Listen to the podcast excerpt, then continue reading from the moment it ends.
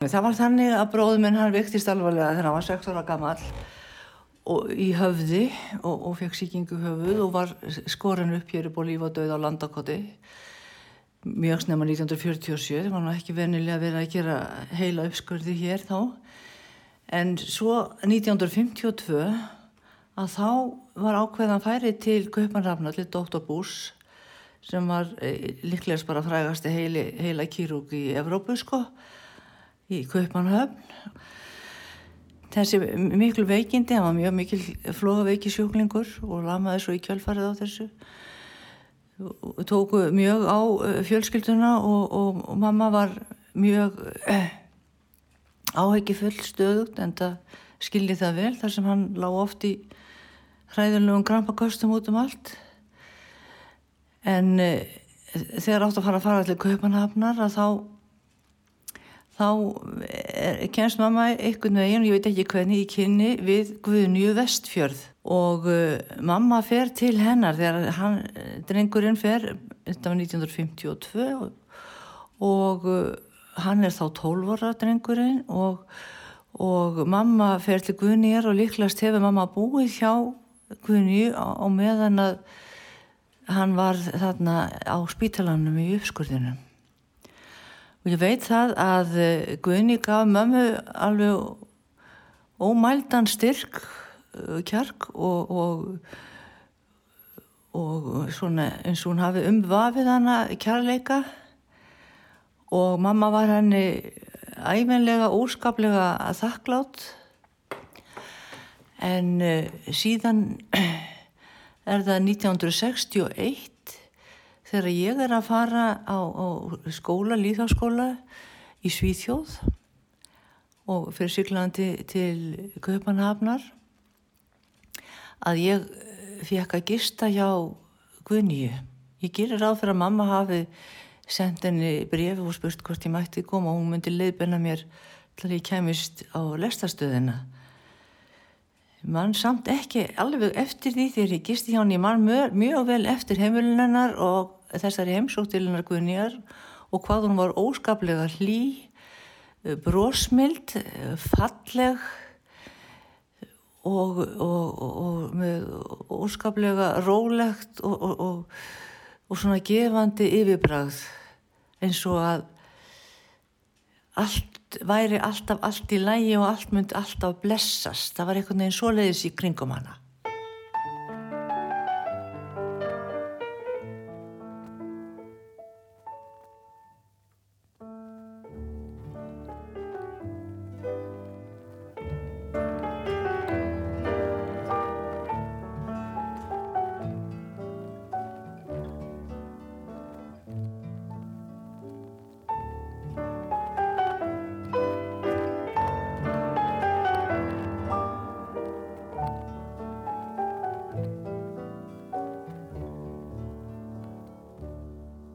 Var Rut Rebekka Sigurjónsdóttir, listmálari.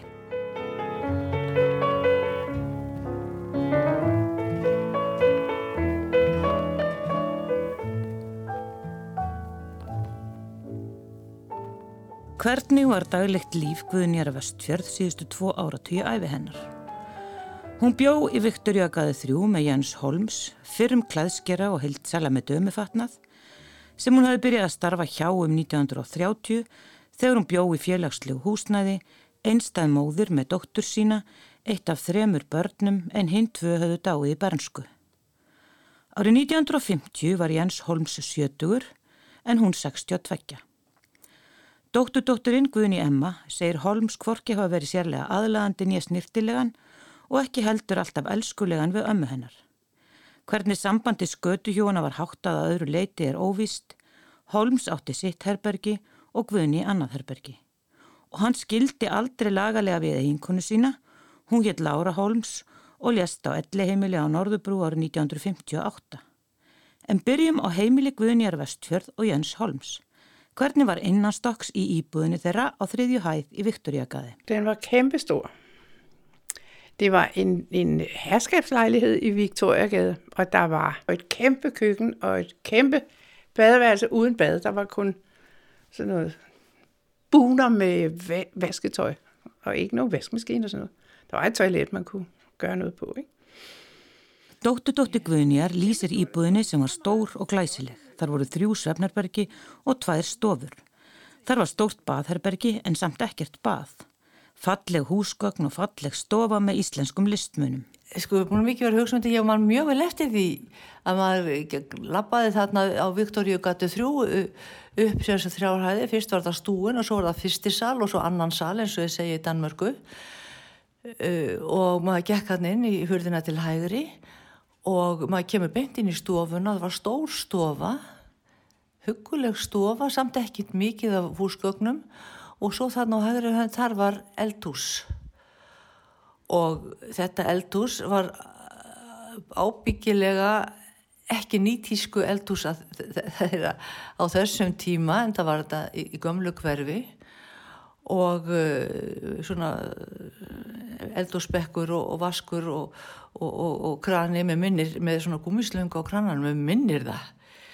En svo var ég svo mikið að hugsa um þetta og myndi núna allt í henni eftir sjómastætti sem að hefði verið í hérna á Rúf danskum sem hétt Króniken sem að er að gerast þarna í Kaupanöfn í þessum gamlu hverfum. Og þar í þeim þætti það var svona eldur sem mér fannst að vera alveg eins og eldur sem að Guðni að vestfjörð. Sko dótturdótturinn að segja um þetta þetta var fræðilega gammaldags, henni fannst þetta svo sóðalegt og gammaldags og hún svona kannski þá komið eitthvað fram með 1960 sko, henni fannst þetta alveg síðasta sort sko þetta, þetta var svo eitthvað svona suppulegt og gamalt og Já, það fannst mér nú sko aldrei sko. Mér fannst þetta bara svo óskaplega gaman að koma inn í svona, já, þennan tíma og sjá hvernig þetta hafði þá verið.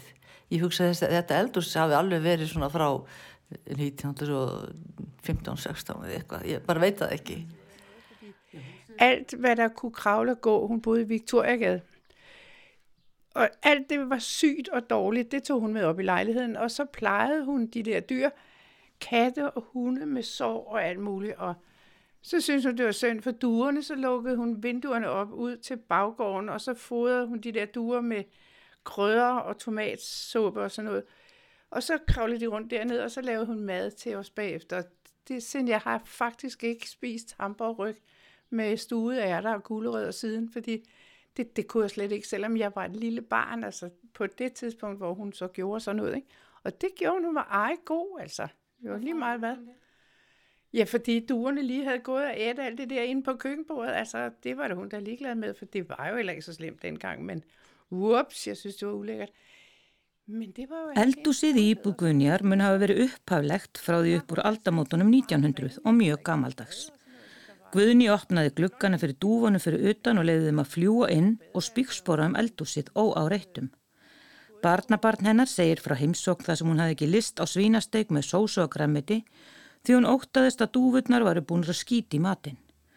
Auk þess tók Guðni að sér halda og lúsu að ketti, hunda með fótasár og yfirleitt allt kvikt sem þurft á stuðningi að halda því spákunan máttu ekkert ömt sjá.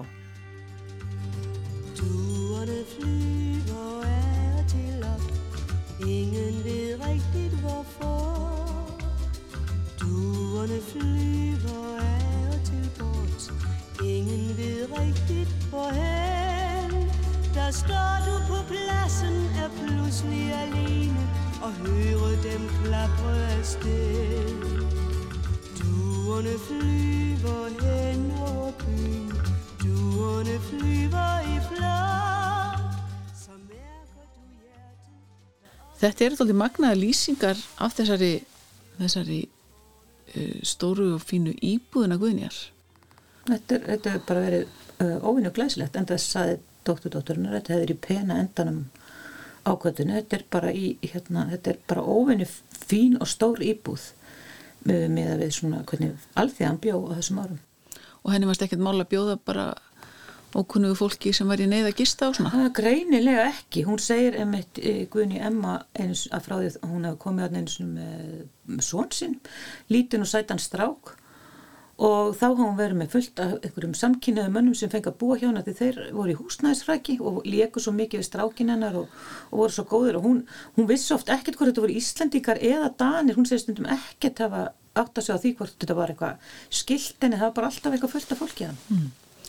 þannig að stemmingin hefur ekkert endilega verið eitthvað svona að skjóta skjólshúsi yfir, yfir Íslendinga Nei, það, það verðist ekki vera sko. Hún hefur bara, já þekkt að náttúrulega sjálf að vera húsnæðislaus og bara fundið sjálfsagt að lefa fólki að vera í þessari reysastóru íbúð. Hún hefur ekkert verið vöndi frá fyrir tíða að hafa mikið pláss sjálf þannig að mm. fimm herrbækja íbúð var bara alveg, það var nóg pláss fannst henni. Mm.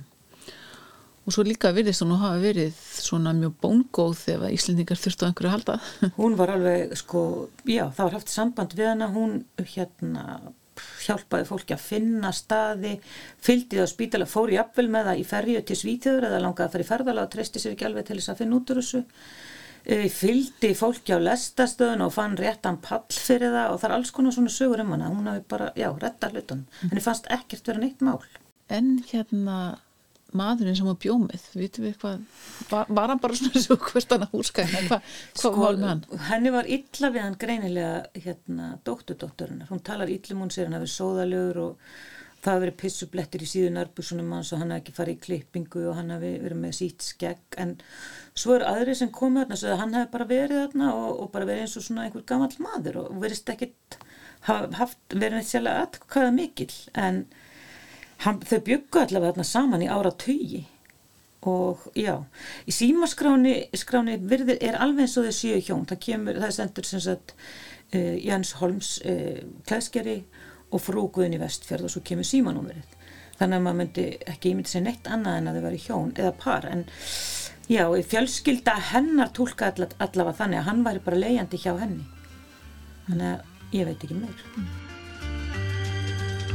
Så mærker du hjertet, der også vil lette Og drejer dig stirret mod tårnet og solen Og se ud af skiven, den glimtende blinde Af to hvide duer på vej. Duerne flyver hen over byen Flyver de hen til dig, til dig.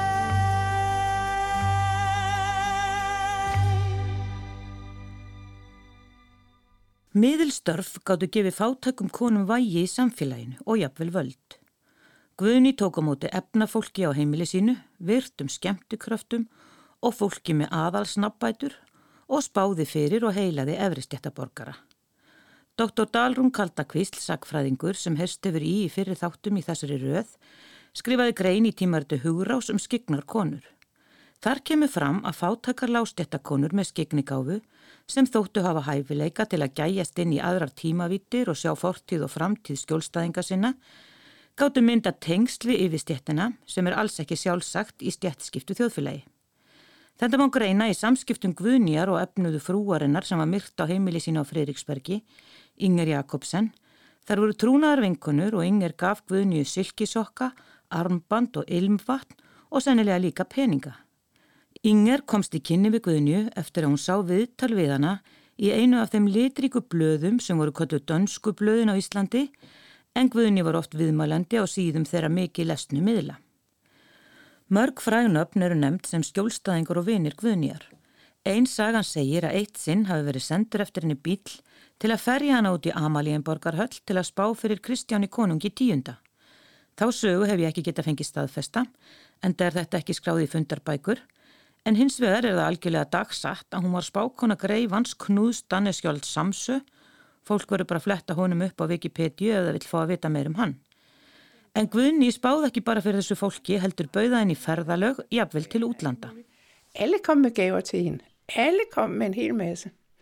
Øh, og det synes hun, det var helt fint. og det gav hun videre uden at fjerne kortet og sådan noget. Altså, det var, hun var virkelig ejegod. Og så var hun jo en spændende dame, også for mig, altså fordi der kom, altså til hendes fødselsdag og sådan noget, jamen der kom alle de der, som jeg var kendt, som øh, Paul Rickard kom, og Volmer Sørensen kom, og til fødselsdag og sådan noget, ikke? Og jeg har set folk kravle op ad trappen og løbe glade ned af, af trappen igen, fordi så havde hun bare lige snakket med dem. Men til gengæld... Til Guðnjar komu frægir leikarar á borði Paul Rækkar sem hjælt mikið upp á hana og þegar hann var leiður og ólukkulegur og þurfti kannski að láta heila úr sér verk í mjöðminni, kom hann til spákonunar og fó gladur af hennar fundi. Og í afmæli Gunjar mætti Helle Vegner sem giftist síðan fósettisráðuranum Jens Otto Krá, en hana þekkja kannski flestir fyrir að hafa leikið burðar hlutverk í Matador þáttunum.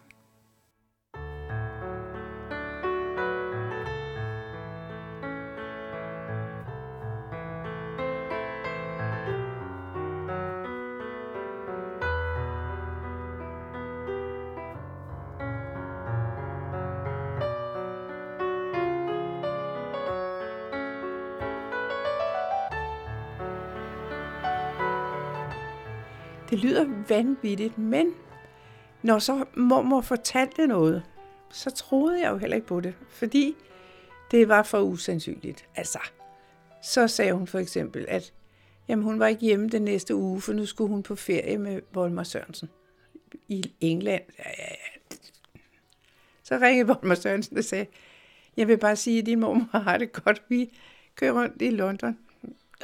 Okay, altså, Så det var jo rigtig meget af det, hun sagde, men...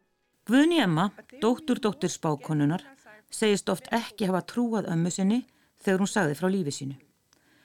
Einu sinni sagðist hún til dæmis verið að fara með Volmið Söönsen í vikuferð til London. Og Guðni yngri hugsaði bara já, já, já, já, Emma mín, því þetta var allt og ótrúlegt. Svo komuðu þetta í ljóð síðar að Guðni fór með Volmið Söönsen til London. Og hver var þessi Volmið Söönsen, vinur Guðni að Vestfjörð, spyrja nú náttúrulega margi hlustendur. Jú, Volmar Söðansen fættist 1914 og hann var frægur danskur pianisti, leikari, revjuleikstjóri, útvarps og sjónvasmaður og hann var líka kynir í Eurovision í Danmörku árum saman. Hinn danski fjölhefi Gísli Martin má kannski segja. Allir sem fyldist með um miðja síðustu öld í Danmörku konnuðist við Volmar Söðansen. Hann var mentaður í pianuleik í París og helt fyrstu ofinböru tónleikana í Tífóli 1934 og hjælt eftir það fjölda tónleika í Danmörku og Erlendis. En Volmer Sörensen er líklega þekktastur fyrir að hafi sami texta við lægið Dansevísi sem sigraði Eurovision söngvakeppnina í London árið 1963. Þetta lag var flutt af Greti og Jörun Ingmann og heyrist oft í íslenska útvarpuna á sínum tíma. Ég hef heyrt fólk segja oftar en einu sinni að þetta sé ekki bara fallegasta sigurlag Eurovision keppninar, heldur hreinlega fallegasta lag í heimi. Þið hljótið að kannast við það.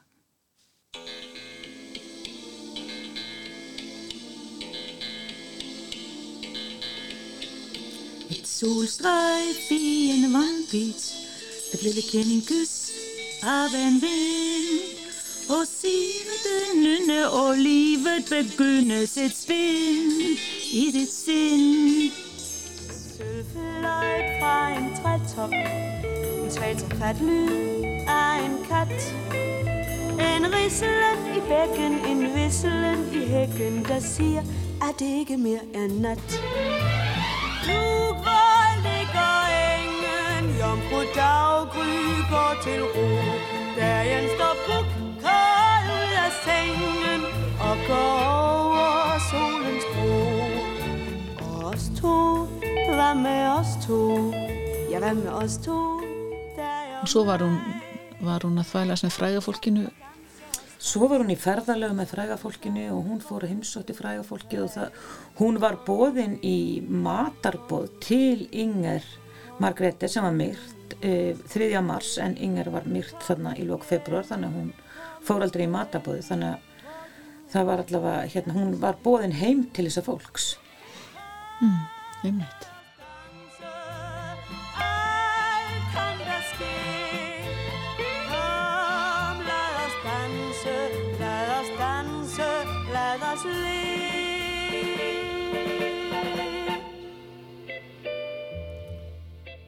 Dalrún Kaldakvísl segir frásagnir að skignu fólki stundum minna á dýrlingasagnir.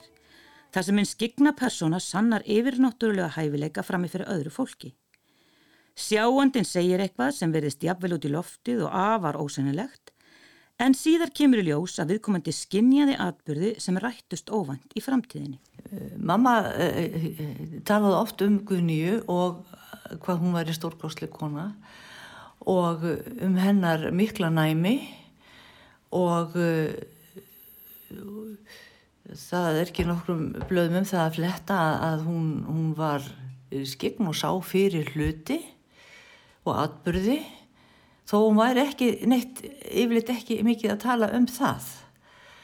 En uh, 1956 þá kom Guðni í heimsó til Íslands og það, í þeirri heimsón heimsóttum móðu mína og heimilið okkar á Lindagötu 21 og sem það sátu í stofunni þá horfið Guðnýja á gólteppi sem lág á gólfunni það hafi verið eh, breytt á gólfið gólteppi sem var allt og stórt fyrir þessa stofu þannig að það breyttist upp endanar og teppinu upp á veggina.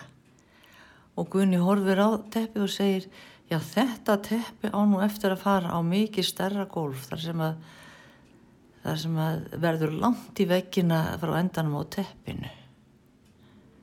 Þá sá hún sem sagt fyrir að þetta teppa færi sem sagt annað þau myndi flytja. Þá var ekki neitt komið á dögun að fara að flytja en fríðan var flutt einu og hálf voru síðan. Eða svo. Uh, annað dæmi ég gerir ráð fyrir hún hafi sagt móðu minni það í þessari sömi heimsón að á þennan stað sem hún myndi flytja þar með væri svo bjartur bjart forstofa með stórum glukkum upp úr og niður og begja vegna og mjög mikil byrta í ganginu. Þetta er nákvæmlega eins og stígagangurinn er þarna í blokkinni þar sem að mamma og fjölskyldan flutti hún sá þetta fyrir og ekki var mamma neitt að byggja hana neitt að spá fyrir síðan neitt svo leiðis. Í fyrrnemdri grein Dalrúnar um miðilstörg hvenna bendur hún á að áhugavert sé að skoða hvernig konurna samþættu heimilislíf sitt og starfið. Um fymtugt hætti Guðni Vestfjörð að vinna sem saumakona og sneri sér alfarið að því að taka móti fólki heimi hjá sér. Þetta gaf henni og öðrum konum á sama róli, til dæmis sýstrunar Jósefínu sem spáði fyrir fólki í Reykjavík, kost á að sinna heimilistörfunum og börnum á milli þess sem þær tóka múti fólki. Guðnýju hendaði vel að vera heima við til að hún geti sint því hjálparstarfi sem hún stundaði þegar hún tóka múti Íslandingum sem sóttu sér læknishjálp, fyldi ferðalöngum á lestarstöðuna og aðstöðuði fólk með margvíslegum öðrum hætti. Spámennska og miðilstör voru þannig alveg kjörum fyrir konur en ummönnun og heimilistarf hafaði þetta alltaf mestmægnis kvilt á þeim. Dóttur dóttir Guðnýja segir að oft hafi verið drastlaralegt og óhreint í eldusinu og annar staðir í íbúðinni í Viktoríakaði en hún hafa haft stofuna fína og tekið þar á móti skjólstæðingunum með rjúbutnar hans Guðmyndar frá miðdal í sjónmáli. Hverfið þar sem Guðni bjó á Vestubrú var alltaf feikilega mannmart og líflegt og margt í gangi.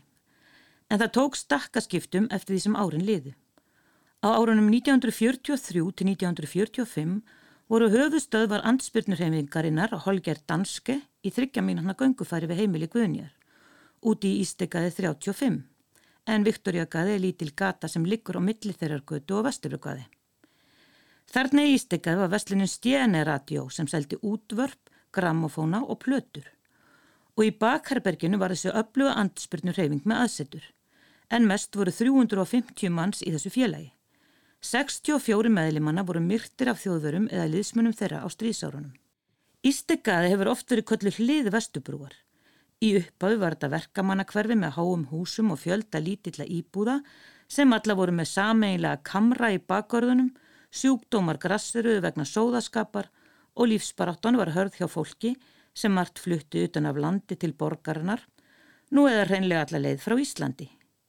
Í Viktorjagaði og granngutunum Ístegað og Vestubögaði byggðist smá saman upp fjöldin allur af allra handa verslunum, veitingahúsum og dansstöðum, menn þurft ofta skála fyrir góðum viðskiptum og fá sér svo snúning. Þegar leið á efri árgvöðnjar breyttist Viktorjagaði umtalsvert. Þar voru nokkrir af fyrstu asísku veitingastöðunum í Kaupmannhöfn opnaðir og gatan var stundum kölluð Littlu Östulönd og nær endalokum ævidagagvöðnjar varði ístikaði helsti starfsvettvangur kynlífsverka fólks í Kaupmannhöfn.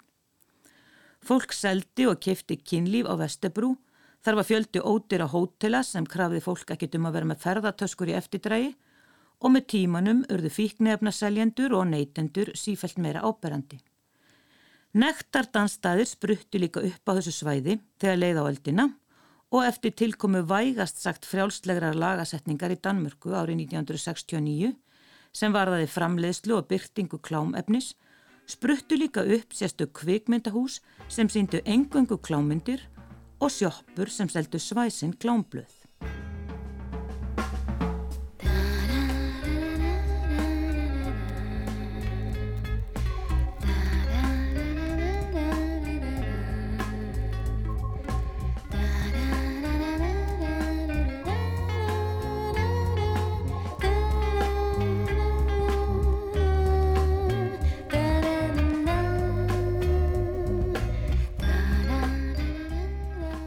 International skala, der øh, tog hun hen og smurte smørbrød og, og gjorde noget. Altså arbejdede, for hun var i hvert fald meget gammel på det tidspunkt. Og det gjorde hun, og det var fordi, der var så mange homoseksuelle, og det syntes hun var synd. Så de skulle have et fristed, så derfor så kunne de snakke med hende, og så kunne de bare gå med hende hjem, hvis de havde det dårligt. Guðni Vestfjörð fór stundum með smörrebröð út á National Skala á Vesturbrukkaði sem var gamall dansstaður. Þar bauð hún samkynniðu mönnum upp á smurt brauð og væri þeir í húsnæðisræki, bauðum þeim heim og leiði þeim að dvelja hjá sér um tíma. Hún bar umhyggju fyrir þessum mönnum, fannst þeir þurfa á hlýju móður þegar að halda. Árið 1970 vektist Guðni alvarlega og var ekki huga líf. Fjölskylda hennar var köllið á sjúkrahúsi þar sem hún lág með lokuð augu og vart greinanlegan andadrátt. Læknar töldu þetta hennar síðustu stundir. En nafna Guðnjar segir að ammennar hafi vitað fullkomlega að hennar tími var ekki komin.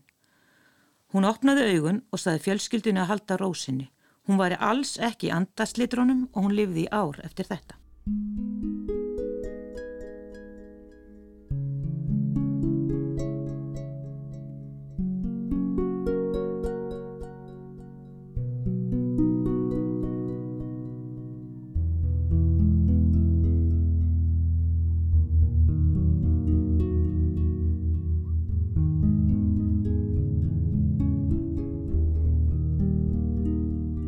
Guðni Ejjólfsdóttir dó í júli árið 1971. Hún var 83 ára og hafði svo sannlega lifað tíman að tvenna. Rétt áður en Guðni lést hjælt Elton John glæsilega tónleika í Tífóli sem enn eru þeim sem þá sóttu í fersku minni. Dægin fyrir andlát Guðnjar bárust hljómar úr þessu lægi yfir í Viktoriakaði.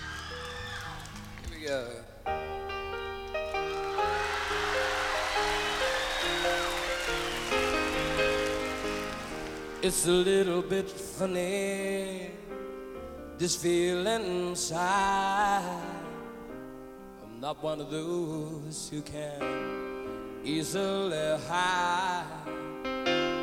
I don't have much money, but boy, if I did, I'd buy a big house where we both could live. If I was a sculptor.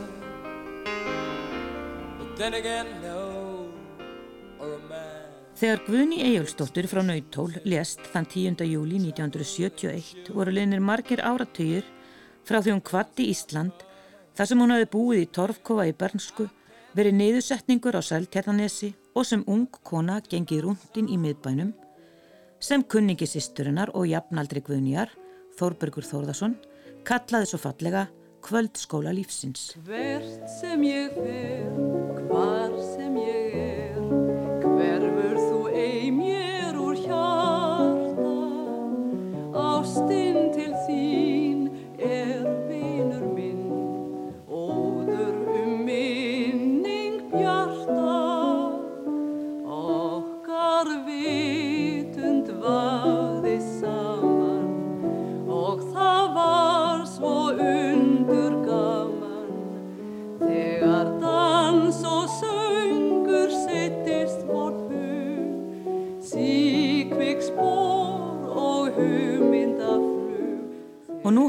áherendur sennilega að sögu Guðnýja sér lokið og þessum þætti sömuleiðis, en svo nú aldeilis ekki, slökkvið alls ekki á útvarpinu. verður huguð ein að megi ég vinn hlýja minning þína geima Árið 1998, hátt í 30 árum eftir andlát Guðnýjar, byrtist lítil frétt í DFF um að bankareikningur hefði fundist í sænskum banka á nafni Guðnýjar Eyjálsdóttur. Sænski Sæðlabankin hafði skömmu áður byrt nafnalista þar sem auglistur eftir fólki sem átti reikninga í sænskum bönkum sem ekki hefði verið hreyfðir síðan á stríðsárunum. Þessir bankareikningar voru flestir taldir til er að gýðingum sem létu lífið í helförinni. Skömmu síðar byrtist stór frétt í DFF með yfirskriftinni Ráðgátan um Guðnýju Eyjálsdóttur leist, hjálpaði geðingum á flótta. Að kvöldi sama dags mátti heyra eftirfærandi frétt í fréttatíma ríkisjónvarpsins. Guðni Ejjólfsdóttir eða Guðni Vestfjörð flutti til Danmerkur árið 1902 og bjóð þar þanga til að hún lést árið 1973. Það vakti forvitni þegar í ljós kom að eitt þeirra bankareikninga í eigu gýðinga sem sænsk yfirvöld byrtu upplýsingar um nýlega var á nafni konu sem bar Íslensk nafn. Einn af ættingum Guðnýjar er Eyjólfur Jónsson fyrirvænandi lauruglumadur og sundkappi. Jón Guðni, fréttamaður hjá útvarpinu, hann fór í þjóðhagstofnun og eh, fekk þar eh, upplýsingar að það gæti ekki verið nema Guðni Eyjólfsdóttir sem var frá Nautól, við Nautólsvík og, eh, og hann vissi af því maðurinn frá þjóðhagstofnum að, að þarna að faði minn hafi verið frá nautól og þá hafði Jón Guðni samband við mig og, og ég er nú auðvitað kannast við Guðni og ég sá hann að þetta væri föðursýtti mín. Svona kom, komst hann að því. Vissir þú uh, af þessum reikningi hennar? Ég vissi um þessa reikning á sínum tíma, hún saði mér það, hins vegar var ég alveg búin að gleyma þessu en, en sko, svo reyfjaðist þetta upp þegar, þegar þetta kom fram. Til hvers voru þessi reikningar? Sko, þessi reikningar voru upphaflega þannig að eh, Guðni, hún fór, í, í, hún komst yfir til Svíþjóðar eftir hernám þjóðverja og uh, lagði þar inn einhverja upphæð uh, á sínu nafni og þessi reikningar voru uh, til hjálpar geðingum eða öðrum sem að voru á flótta undan nazistum sem var hægt á að þeir öllu að handtaka. Var hún þá í ansbyrnur reyfingunni? Nei, hún var aldrei í nynni ansbyrnur reyfingu, heldur geyslaði hún að mannkjærleika og, og, og, og hjálpsemi.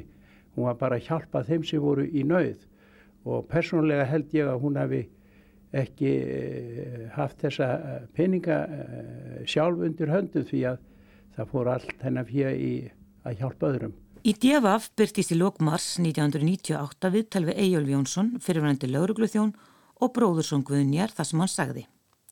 Mér var kunnugt um að Guðni hefði hjálpa flóttamönnum á stríðsárunum. Hún var ekkert nema góðvildin og hjálpseminn við alla. Fyrir stríð tók hún á móti Íslandingum sem þurfti að leita sér lækninga í Danmörku. Einni tók hún á móti fátækum normönnum og jótlendingum. Þegar ég og konan mín heimsóttum Guðni var alltaf mikið af fólki hjá henni. Að sögn Eyjóls var Guðni ekki í neðanjarðarhefingunni heldur hjálpa hún einfallega þeim sem voru í nauð. Þegar nazistar réðust inn í Danmörku hjálpa hún gýðingum að komast frá Danmörku.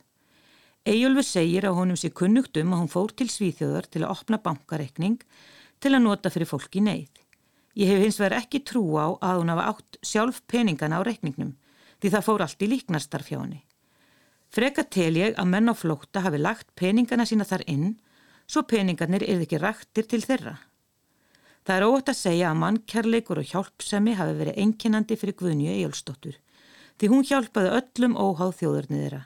Sem dæmi um það þá hjálpa hún þjóðverum í Danmörku sem voru offsóttur eftir stríð.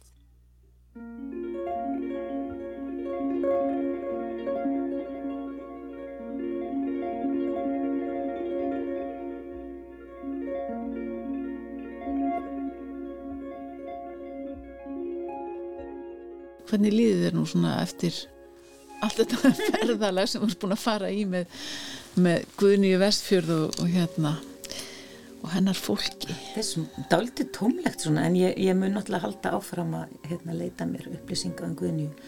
Þessar möppur með yfirherslunum yfir spókjælingen þarna á Friðsbergi á lauruglunni það verið tekið að trúnaðarmálstimpilinn einhver tíman í lóknast árs og ég ætla að reyna að fara og, og fá að lesa allar þessar þúsund síður sem eru yfirherslur yfir henni.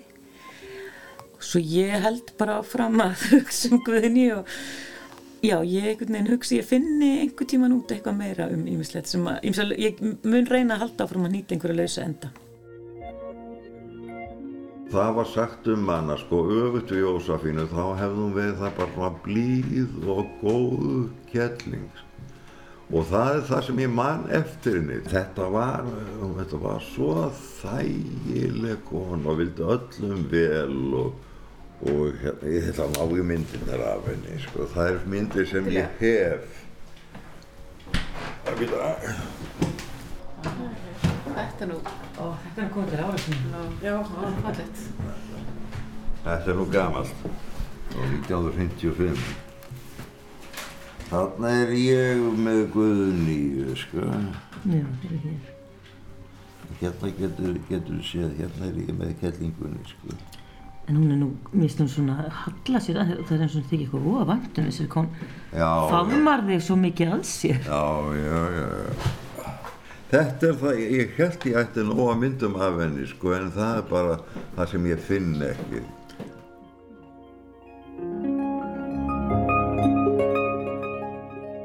Hér segjum við skilið við sterka konu, Guðnýju Eyjálsdóttur Vestfjörð.